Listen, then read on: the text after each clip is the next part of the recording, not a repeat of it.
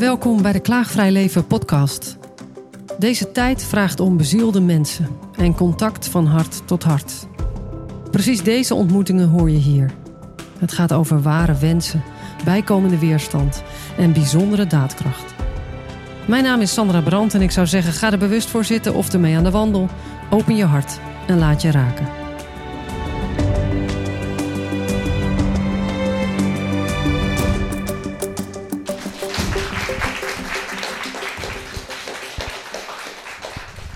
Welkom uh, voor deze derde keer, Bob.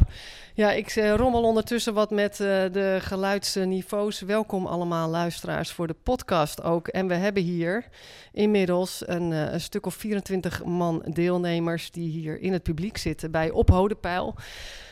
Bob, wij zijn twee keer eerder in gesprek geweest. Mag ik zo vrij zijn om te vertellen wat er allemaal gebeurd is? Even een hele korte notendop. Daarna bedoel je? Ja, ja zoveel. Ik, ik, zal eerst uh, beginnen bij jou aan tafel. Begonnen we de eerste keer. Toen kende ik je nog niet zo goed. De eerste keer ontmoeting uh, bij jullie thuis. Um, en, en een beetje zo aan het einde van die opname dacht ik, ja, nou heb ik je. Nou ben je er echt helemaal. Toen uh, hebben we ook nog even contact gehad over dat het best wel een stukje persoonlijk contact was, wat je niet zo gewend bent in presentaties. En toen heb ik je uitgenodigd, ook weer zo'n ingeving. Um, zullen we dan nog een keer in gesprek, maar dan meteen vanuit die connectie. Dus wetenschapper met intuïtie, connectie met het hart.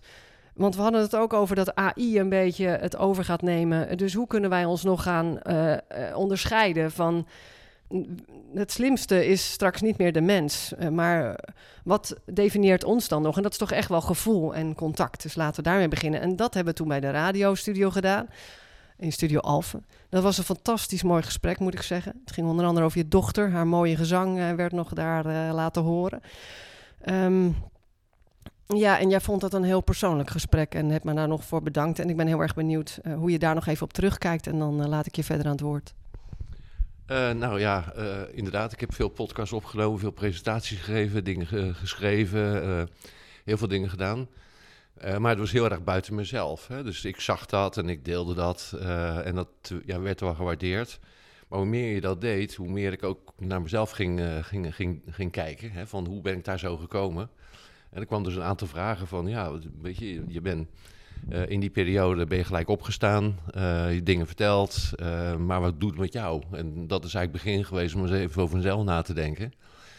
Um, en ja, dat, dat heeft heel proces teweeg gebracht, toch wel. Um, en uh, het grappige is ook dat, uh, je had net over je voorouders. Uh, vorig jaar december waren we bij Maarten Oversier. Dat is sinds de coronatijd een, een vriend van ons geworden. daar zijn we naartoe gegaan in Drenthe, gesla geslapen ook. met hem gesproken over nou ja, allerlei interessante dingen. En... Um, en, en, en we sliepen boven. En toen zijn, we na afloop zijn we naar, eh, naar boven gegaan, gaan slapen.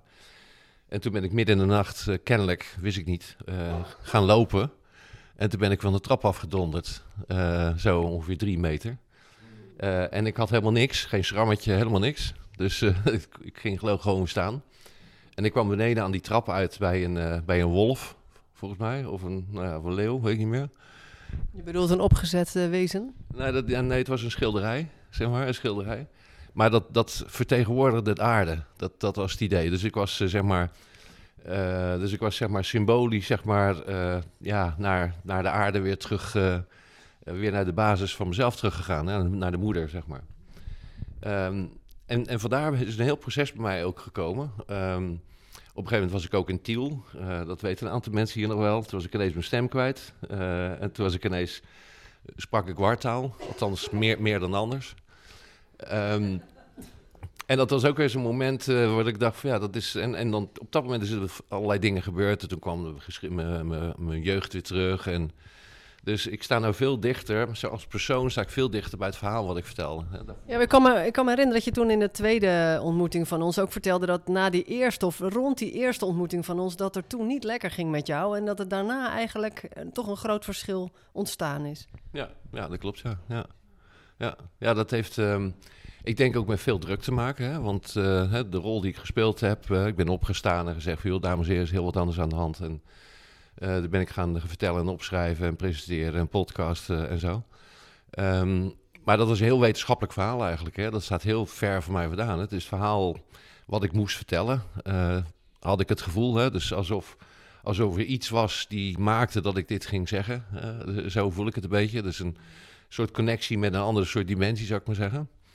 Um, ja, en daarna is zeg maar dat persoonlijke eraan gekomen. Ja. Nou, dat nou zit het veel dichter bij elkaar, ja.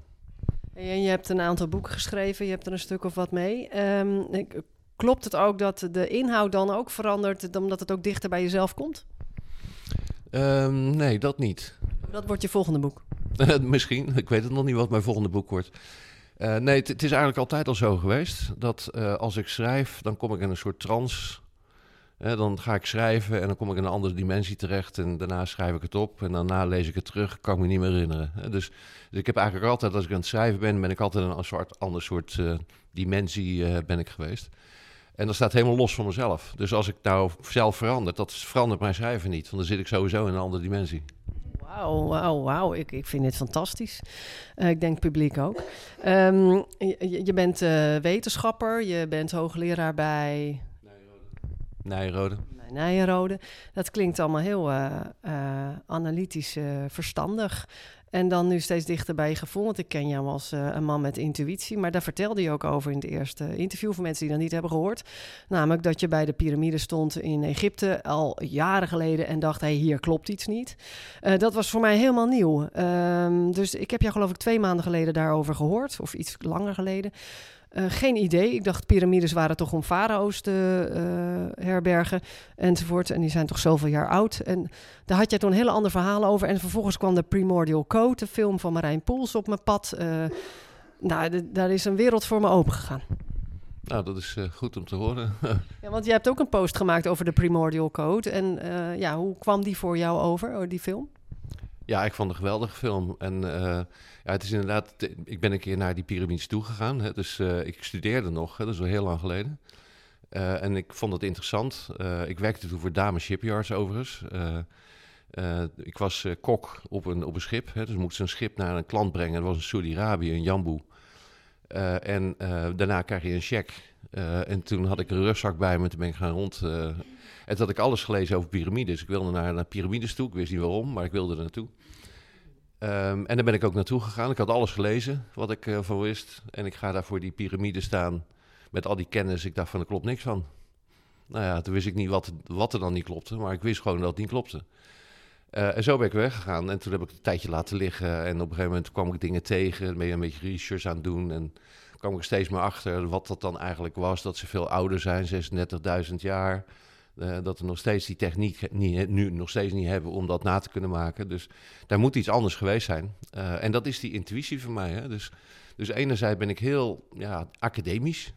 Hè? Dus ik denk overal over na. Dus ik breng altijd mijn denken of zo. Maar tegelijkertijd laat ik altijd ja, allerlei signalen, uh, intuïtie, laat ik allemaal binnenkomen. Dat gaat tegelijkertijd als het ware. Ja, en je gaat dan ondertussen on op onderzoek uit totdat je begrijpt waarom, zeg maar, intuïtie, er klopt iets niet, toch? Ja, ja zo, doe, zo doe ik dat, ja. En dan zoek je net zo lang door totdat je merkt, nu resoneert het wel, nou klopt het wel voor jouw gevoel.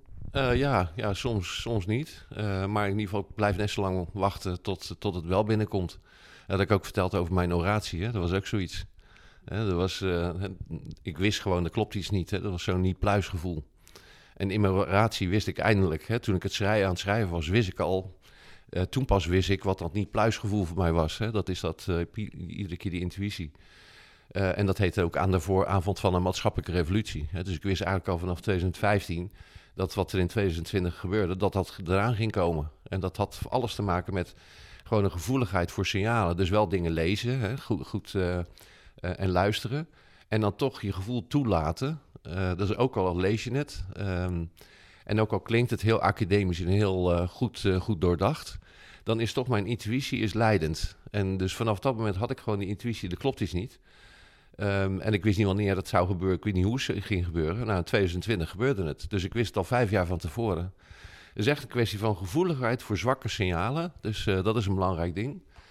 Uh, en er is nog een belangrijk ding. Um, en dat is uh, moed. want, want moed is belangrijk. want als je signalen krijgt, dan moet je ook de moed hebben om dat toe te laten. En, um, en daarmee om te kunnen gaan. En dat was in het begin van die coronaperiode ook. Ehm, ja, heel veel mensen werden bang. Hè? Dus ze hadden die signalen niet opgevangen. En, ze waren, en als ze die signalen wel op, opvingen, ja, dan parkeerden ze het weg, omdat ze de consequenties daarvan niet aandurfden. Ik onderbreek je eventjes. Uh, hou vast wat je verder gaat vertellen. Want hier zeg je inderdaad, op het moment dat mensen bang zijn, uh, vangen ze eigenlijk de zwakke signalen niet meer op. Klopt dat? Um, nou, ik denk dat uh, een gevoeligheid voor zwakke signalen is één dimensie. En dat is, bij iedereen is dat anders. Ik ben sensitief, dus ik vang dat heel goed op. Een aantal andere mensen zijn minder sensitief, hè, dus dat is één dimensie. En het andere is, wat doe je dan met die signalen? En het kan best zijn dat mensen sensitief zijn, ze voelen van er klopt iets niet. Alleen ze laten het niet toe, ze willen er niet over praten. Hè. Ze willen niet zeg maar, het tegengeluid horen uh, waardoor hun wereld onderuit gaat. Dus het zijn volgens mij twee verschillende factoren.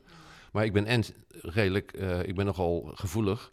En daarnaast ben ik redelijk moedig. Dus, dus, dus ja, ik kan daar eigenlijk heel natuurlijk mee omgaan. Wauw, ik vind het heel mooi. Gevoelig en moedig, dat zijn eigenlijk een hele mooie, is een hele mooie combinatie. ja, ja. En wat de wereld nodig heeft.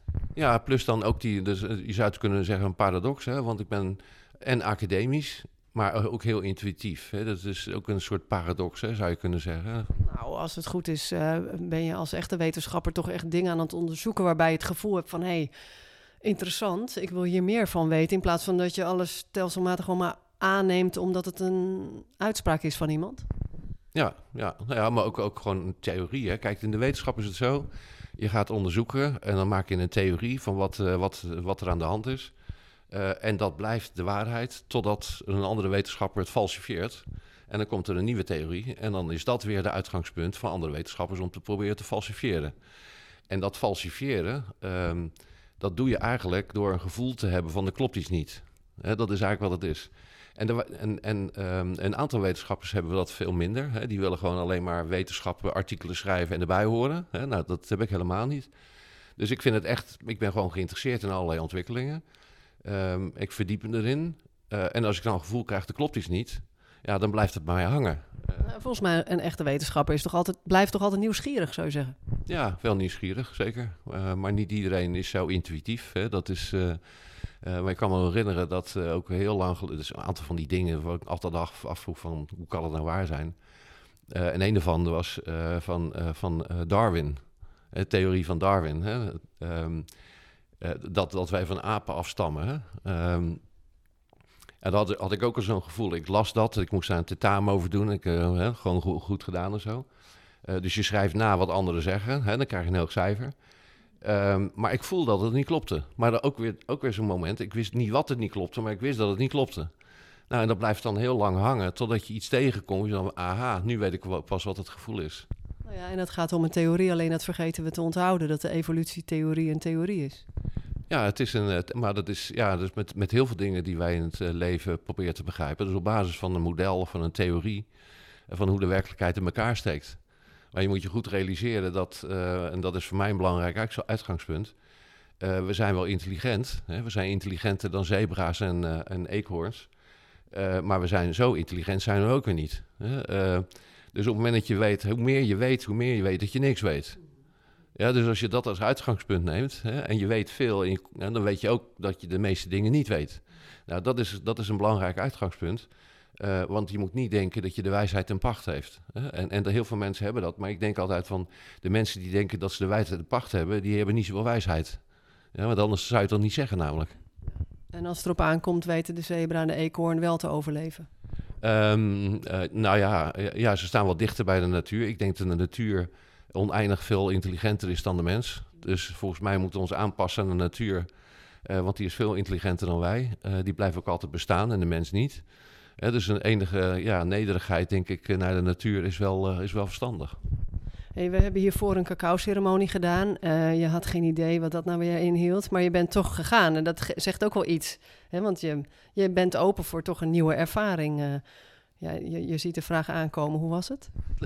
ja, uh, nou ja, ik, uh, ik vond het interessant om mee te maken. Maar het is inderdaad waar. Um, kijk, als je ergens iets van vindt, dan moet je het ook al zelf meegemaakt hebben. en, en daarna ga je reflecteren wat je ervan vindt. Als je nou afvraagt, wat, wat vond je van de cacao-ceremonie? Nou, ik vond het vooral interessant om te zien hoe dat ging. is het iets voor mij? Nee. Ja, ik kan niet anders dan zeggen hoe het is. Ik kan er niks aan doen, maar... ehm, dus ik vond het wel interessant en ik zag ook dat aantal mensen dat het wel wat deed. Hè? Dat ze zen raakten en, en zo. Dus dat, dat gun ik wel van harte. Eh, ik had dat zelf niet zo erg. Maar ja, weet je, het, het is... Ik, ik denk de enige manier om erachter te komen is dingen gewoon te gaan doen. Weet je wel? Ook al denk je van het is niks voor mij of het, of het lijkt... Maar je moet het gewoon doen, want dan pas weet je wat het is. Eh, en wat ik altijd wel weer doe dan, hè, dus dan ga ik er helemaal voor. Uh, en daarna ga ik uh, reflecteren. Hè, dus dan gebruik ik mijn academische denkhoofd weer. Hè, dus dat, dat ga ik altijd doen. Dan kan je wel een voorbeeldje geven. Um, vroeger ging ik ook als kind ging ik dan mee naar het voetbal. Weet je wel? Dus we gingen naar een voetbalstadion, het Feyenoordstadion uiteraard, als Rotterdammer. Dus, uh, nou ja, goed, ik ging daar. Ik had niet zoveel met voetbal, en ik, ik had, maar ik wilde toch een keertje meemaken. En ik ga er zitten en ik kijk om me heen en ik zie hoe de mensen reageren. Uh, en toen was mijn conclusie van het is niks voor mij, want dit is georganiseerde verveling. En daar heb ik, daar heb ik, die heb ik niet. Dus ja, dan, dan, dan, dan hoor ik daar niet. Maar ik was vorige week, uh, onze dochter was een paar weken in Nederland. En vorige week zondag zijn, was er een, wij wonen in Kralingen. En, maar ik ben geboren in Krooswijk, hè, dus dat is vlakbij. En in Krooswijk was er dan een soort muziekfestival. een Krooswijks muziekfestival. Echt heel, heel, heel, ja, heel, um, hoe ik zeggen... ja, heel erg lokaal, heel erg uh, volks, hè, zou ik maar zeggen. Dus echt, echt, echte kralingers kwamen daar overigens van allerlei, uh, van allerlei afkomsten ook nog een keer. Hè. Maar overal, dus allemaal kroegjes en dan gingen dan langs en dan kwamen muziek langs en zo en dat soort dingen. En dan zit je dus tussen de Krooswijkers uh, naar allerlei muziek te luisteren. Ja, dan voel je gewoon um, wat het leven is van de mensen in, in, in een Krooswijk. Hè. Um, dat vind ik ook belangrijk, omdat als academicus kom je een beetje in een soort wolk terecht en zo, hè, een hele grote afstand. En als je, wel, als je het wil hebben over een burgersamenleving, dan moet je wel weten wat een burger, wat burgers zijn. Dus dan moet je wel in zo'n wijk gaan zitten. Uh, en dat is voor mij ook een reflectie. Oké, dus dit is de mensen waar ik het voor doe, weet je wel. En, en, en, ja, en hetzelfde met jongeren. Als je het wil doen voor de volgende generatie, dan moet je wel verdiepen in wat ze dan belangrijk vinden. Dus het is je gewoon helemaal erin laten gaan. Um, al je zintuigen openzetten, alle signalen binnen laten krijgen. Uh, en dat doe je dan ook, dat neem je dat helemaal mee. En daarna ga ik reflecteren. Dat, dat is eigenlijk altijd hoe ik het doe. Hey, en uh, zou je iets willen vertellen over je nieuwe boek? Want je hebt afgelopen woensdag je boekpresentatie gehouden. Heb ik al van iemand vernomen die daarbij was. Uh, die meteen een LinkedIn-verzoekje deed. heel leuk. vertel eens over deze. Ja, nou, het is begonnen met Society 4.0. Oh, ik, het is begonnen met Society 4.0. Uh, waar ik een, uh, een, een, visie heb gemaakt op, uh, op een toekomstige samenleving. Dus wat ik al zei, ik wist dus een aantal jaren dat het ging gebeuren en dat het ging veranderen. we zitten in een, ja, een, een, periode wat uniek is. Hè. Komen eens in een paar honderd jaar voor. Hè. Dat is mooi. Hè. Dus, we zitten in de geschiedenisboekjes, hè, zometeen. dus dat is het goede. en we zitten in die transitie. En dat is altijd een onrustige periode. en we gaan naar een andere samenleving toe. Dus in Society 4.0 heb ik aangegeven, er zijn ja, er zijn krachten gaande uh, waardoor de samenleving gaat veranderen. En zoals altijd, dat is vaker gebeurd in de geschiedenis, uh, zijn er verschillende perspectieven op die, wat die unieke samenleving, hoe dat eruit ziet. En sommige mensen die geloven nog één keer in ja, een kleine groep die verstandig zijn en, rijk en machtig en zo. En die moeten de besluiten nemen. Dat is altijd zo gegaan. En andere mensen geloven juist dat je vanuit de belangen van de burger moet gaan redeneren. Um, uh, en dat de mensen die het beter hebben, die moeten zich, ja, die moeten zich dienstbaar opstellen aan, uh, aan het volk. Nou, ik, ik, ik sta voor het, voor het laatste. Maar er zijn ook mensen die geloven in top-down. Dus dat heb ik opgeschreven. Dat, uh, daar heb ik twee verschillende perspectieven genomen. Um, nou, toen is er van alles gebeurd. Um, coöperatie opgericht, mensen die gingen aan de slag, regio's enzovoort. Maar iedere keer kwam de vraag van ja, hoe doen we dat dan? Ik dacht van als je een visie uitlegt, hè, van we gaan daar naartoe en dit is ideaal en zo moeten we het gaan doen op regionaal niveau, hè, vanuit de burger redeneren. Uh, als je dan op die zeepjes gaat staan, dan mensen denken van nou dat pakken we op en dan gaan ze aan de slag. Maar zo ging het dus niet. Uh, dat voor een aantal mensen wel, maar heel veel mensen die zeiden van ja, maar hoe dan? Uh, nou ja, en toen zeiden we nou dan moeten we het echt wel even concreet gaan maken. Dus het derde boek, hè, het tweede boek was Democratie 4.0, dus een nieuw ontwerp voor democratie gemaakt. Dat derde boek is echt een, ja, we noemen de gids uh, omdat het een, ja, een, het, het zijn eigenlijk tien boekjes, zou je kunnen zeggen. Tien verschillende maatschappelijke domeinen in de regio om een nieuwe samenleving te bouwen. Um, samengemaakt met uh, experts. Uh, dus dit heb ik niet in mijn eentje geschreven, maar voor elk domein hebben we experts genomen. Echt hele goede mensen. die, die hebben een teksten aangeleverd. Nou, daar ben ik dan doorheen gegaan en één geheel van gemaakt. En daarmee is dit een, echt een actieplan. Die je zo aan de regio kan geven. Of mensen zeggen van nou, wij willen meebouwen een betere samenleving. Nou, hier heb je het boek. kijk even welk domein bij jou past. Kijk even welke rol bij jou past. Hier heb je een actieplan uh, en gaan aan de slag. En ik denk dat dat echt een, uh, een, uh, een, een, Die gids is echt nodig, zeg maar, om echt, echt de versnelling te gaan maken. Dus je merkte dat mensen heel graag willen om een samenleving op te bouwen waar we wel in willen wonen. van onderaf. Alleen hoe is dan de vraag en daar heb jij een boek voor gemaakt. En um, je zegt dat geeft het aan de regio. Hoe doe je dat dan? Um, nou, wat, je, wat je ziet is dat uh, intuïtief zie je dat in de, in de samenleving allerlei initiatieven ontstaan. Hè? Lokale initiatieven of heel klein of iets groter. Uh, op één domein. De ene regio richt zich op geld en de regionale economie. Ergens anders weer op gezondheid. Ergens anders weer voedsel. Overal zie je, of wonen. Overal zie je zeg maar initiatieven ontstaan. Um, maar dat, daarmee maak je een nieuwe maatschappij. He, dan, moet het, dan moet eigenlijk een nieuwe uh, vorm van, van, het, van governance, wat we noemen. Dus een andere manier om een samenleving in te richten. Um, en nou, dat is wat wij dan toevoegen. Dus op het moment dat je zegt van nou, je hebt een lokaal initiatief, uh, hartstikke goed. En hoe verbind je dat nou? Hè, bijvoorbeeld je zit met voedsel. Hoe verbind je dat nou met een lokale economie, met een eigen munt, uh, met gezondheid, uh, met leren ontwikkelen? decentraal internet. Ja, en daarmee maak je als het ware een, een, een plan en een vorm, zeg maar, om al die initiatieven met elkaar te verbinden. Um, en daar zeg maar een nieuwe samenleving op te gaan maken, inclusief hoe de democratie eruit gaat zien. En daar is echt wel een behoefte aan. En wat we ook al gemaakt hebben, is met Society 4.0 uh, beginnen we steeds meer een, uh, een platform te worden, zeg maar, waar al die initiatieven bij elkaar kunnen komen. We hebben al een aantal keren gehad dat heel, hele goede lokale initiatieven zijn begonnen, maar ergens dus vastlopen. Omdat ja, je kunt wel zeg maar gezondheid 4.0 doen, maar als je dat doet in de wereld 3.0, dan zit er gewoon een mismatch. Dus je moet het integraal ontwikkelen. Uh, en wat wij dan proberen te doen is al die initiatieven die er zijn, uh, op lokaal niveau, op regionaal niveau, uh, maar ook experts die er hele ideeën over hebben, om dat bij elkaar te brengen. En dan te zeggen, nou wij hebben een, een visie, Um, hè, wij, wij zien wat voor soort samenleving we willen hebben. Dat is dan Society 4.0. We hebben een missie. We willen een betere wereld maken voor onze volgende generaties. En zo gaan we dat doen. Ja, jij doet het omdat het gewoon jou gegeven werd. Jij, moest dit opeens gewoon allemaal gaan verspreiden. Je zei ook van ja, ik was daar bijna niet zelf betrokken, maar ik moest dit gewoon dus als mens, persoonlijk, maar wel, ik moest het doen. En zo ben jij de boer opgegaan al een aantal jaren hiermee. En heb je dit neergezet. Um, eigenlijk bijna voorbij angst. Want dat merk ik helemaal niet aan jou. Dat merkte ik ook bij het tweede gesprek met jou in de, in de studio. Toen kwam ik best wel uit een heftig proces aangereden. Ik was nog een beetje gestrest zelf. En ik zit naast jou en je bent echt zo'n rots in de branding. En ik kom helemaal hè, tot rust.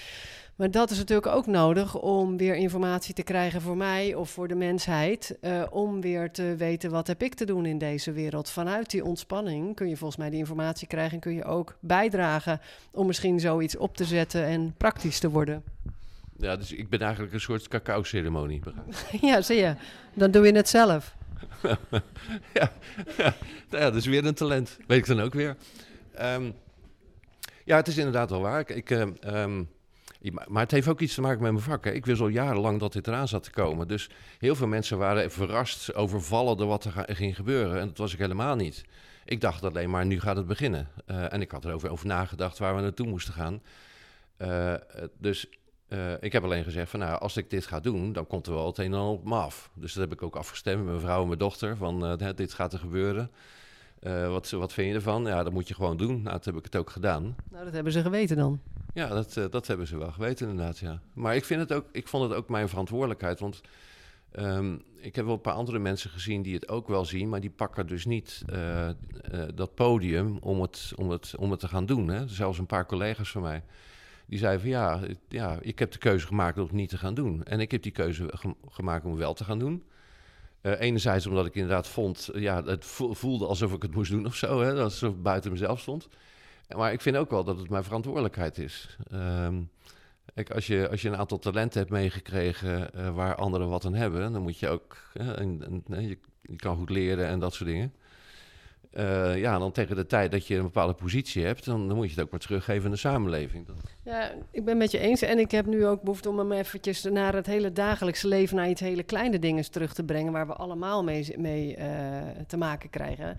En ik denk dat ieder wel iets kan herinneren dat je bijvoorbeeld in een schoolsysteem of bij een huisarts of in de gezondheidszorg zit, waar je te maken hebt met we hebben maar zoveel minuten, maar eigenlijk voel je dat er iets anders gezegd mag worden of dat, we, dat het bizar is in wat voor systeem dan zitten, maar waardoor we niet de angel eruit halen en niet de aandacht hebben voor dat wat eigenlijk de aandacht nodig heeft. En daarin zit ook al de gevoeligheid, voelen wat je te doen hebt en de moed om dan toch te zeggen, wacht even, uh, ik snap dat je nu haast hebt omdat je volgende patiënt zit te wachten, maar we hebben nu niet de kern te pakken. Mm. Um, ja, ja, maar ik moet ook zeggen dat, dat uh, kijk, angst doet heel veel voor mensen. Hè? Die, die, dan kom je dus niet bij jezelf. Uh, nou, dat heb ik niet, hè? eigenlijk niet. Uh, ik ben alleen maar bang van de tandarts, hè? dus dat is ongeveer het enige. Um, dus, maar goed, dat komt weer door ervaring natuurlijk. maar ik, ik ken niet zoveel angst, dus, en ik was goed voorbereid. Nou, dan, dan ga je dat doen.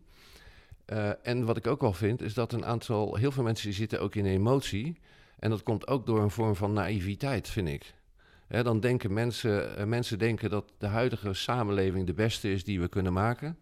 Uh, we denken dat er geen slechte mensen zijn. Ja, als je een beetje in de geschiedenis kijkt uh, en je ziet wat mensen elkaar aangedaan hebben voor geld of macht. Als je ziet hoe ver ze erin kunnen gaan en hoe breed ze zijn. Ja, dan moet je het gewoon accepteren als, als een gegeven en dat moet je meenemen. Dus ik zie heel veel mensen heel boos worden op een paar mensen die dingen doen. Ik denk van ja, uh, je kan wel boos worden, maar dat zegt iets over jezelf. Mhm. Want die mensen zijn altijd bestaan. Hè? 80 jaar is te kort om het DNA van de mensen te veranderen, hè, zeg ik altijd. Dus, en als je dan kijkt wat, wat mensen elkaar aangedaan hebben, dan is dat een onderdeel van de mensheid. Dus we kunnen de prachtigste dingen maken, mooie muziek en, en kunst. En, hè, en we kunnen heel warm zijn als mensen, dat is één kant. Maar er zit ook een hele andere kant aan, dat is onderdeel van, van de mensheid. En dat, dat moet je gewoon meenemen als een feit. Dus op het moment dat je zo'n fase ingaat, ja, dan weet je, hè, er zijn mensen die zijn ja, naïef, hè, mensen die zien het niet aankomen, mensen zijn angstig. En je hebt mensen die deugen niet uh, en die proberen hè, een aantal dingen te doen. Dat is gewoon hoe het gaat. Nou, als je, als je, dat, als je dat meeneemt... Het voelt al relaxter zo, hè? Hoe de huidige tijd, als je het zo zegt. ja, kijk, kijk, waarom heb je eigenlijk een samenleving nodig? Hè? Waarom moet je bepaalde keuzes maken? Dat is niet voor al die mensen die uh, die uit zichzelf goed zijn en het niet nodig hebben. Dat doe je. Je maakt een bepaalde samenleving en een rechtssysteem voor de mensen die niet deugen. Daar doe je het voor. Toch? Want anders dan, uh, hebben we helemaal niks nodig. Uh, dus veel van de dingen die we doen heeft te maken met de slechtheid of een aantal slechte eigenschappen van een aantal mensen. Daarom doen we dingen. Ja, dat moet je gewoon meenemen in je ontwerp. en dan moet je ook niet raar van opstaan te kijken. je moet er ook niet emotioneel over worden of boos over worden. Eh, het is gewoon een integraal onderdeel hoe de mensen het in elkaar steekt.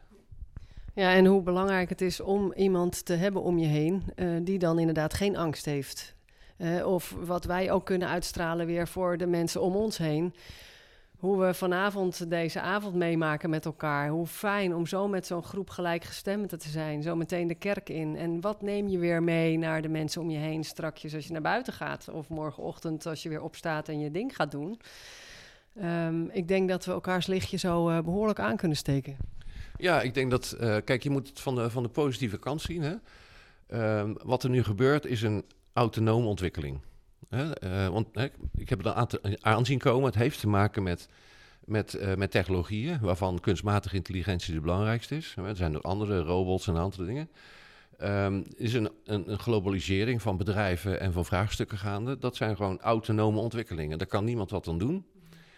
Um, uh, en, um, dus je moet ook niet proberen het oude vast te houden hè, of daartegen te strijden.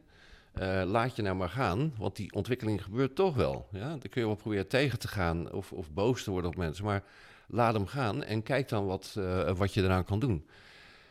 dus dat het autonoom is, um, is, is, belangrijk, want dat, dan, dan laat je los, zeg maar. Hè? Dan kun je het gewoon zien, ervaren zoals het is. Het is een unieke periode, komt eens in een paar honderd jaar voor. Nou ja, dus saai is het niet, hè, zou je kunnen zeggen. Dat is ook weer een groot voordeel.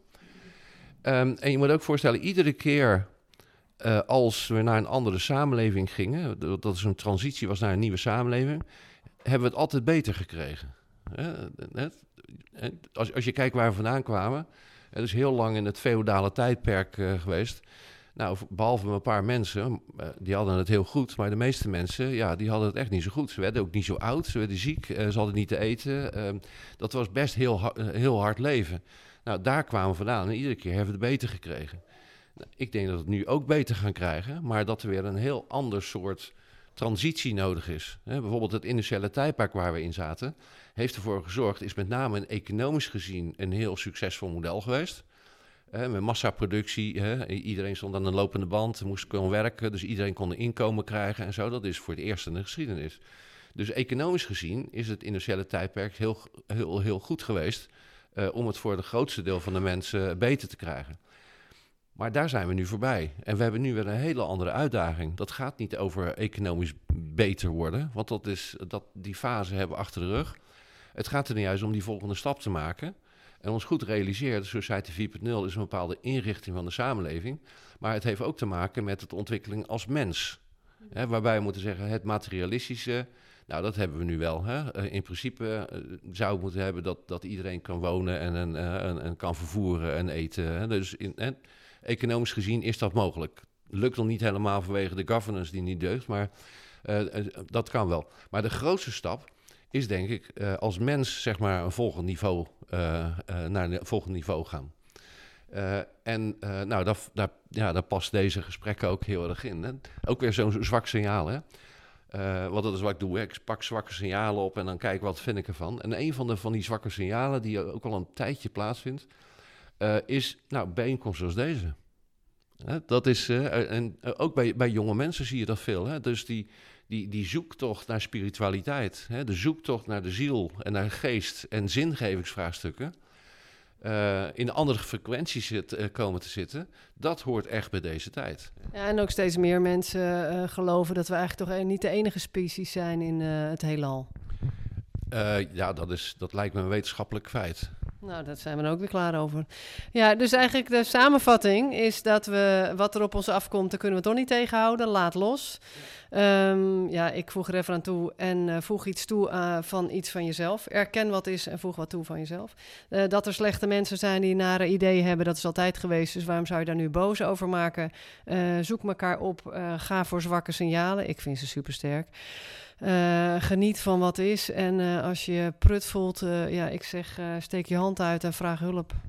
Ja, ja. Je merkt, ik ben een beetje aan het samenvatten. Dat komt ook omdat er een zwak signaal is die steeds sterker wordt... dat het eten zo voor ons wordt geserveerd. Ah, zo is het. Um, nou ja, kijk, zwakke signalen, worden, uiteindelijk worden dat hele luide signalen. Hè? Dus het gaat erom dat je signalen ziet voordat iedereen het ziet. daar komt het eigenlijk op neer. Dus de ene is wat gevoeliger voor signalen, dan zijn het zwakke signalen... Uh, maar dat er, dat er iets niet klopt in de samenleving, dat snapt ongeveer iedereen nu wel. Hè? Uh, dus dan is het nu, hè, nu, nu is het voor iedereen een heel luid signaal. Maar het gaat er nou juist om dat je zwakke signalen hebt, dat je het van tevoren ziet. En um, nou ja, nog even over, die, uh, over het enige leven. Ik weet dat we weten wat mijn redenering is. Um, maar dat, ik heb er altijd al gedacht. en dat is gewoon puur nadenken. Het heeft niks met intuïtie te maken. Maar als je nou weet dat er iets van een miljard sterrenstelsels zijn... en er zitten aan elk stelsel een miljard sterren... wat is dan de kans dat de, de aarde de enige ster is waar het leven is? Die is nul.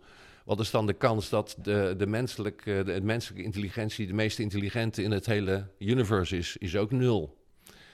Hoe groot is de kans dat uh, een of andere uh, intelligentie van een, andere, van een andere planeet... een keer op bezoek is geweest of hier het gaat kijken... Uh, nou, die lijkt me redelijk, hè, lijkt, me, lijkt me heel logisch.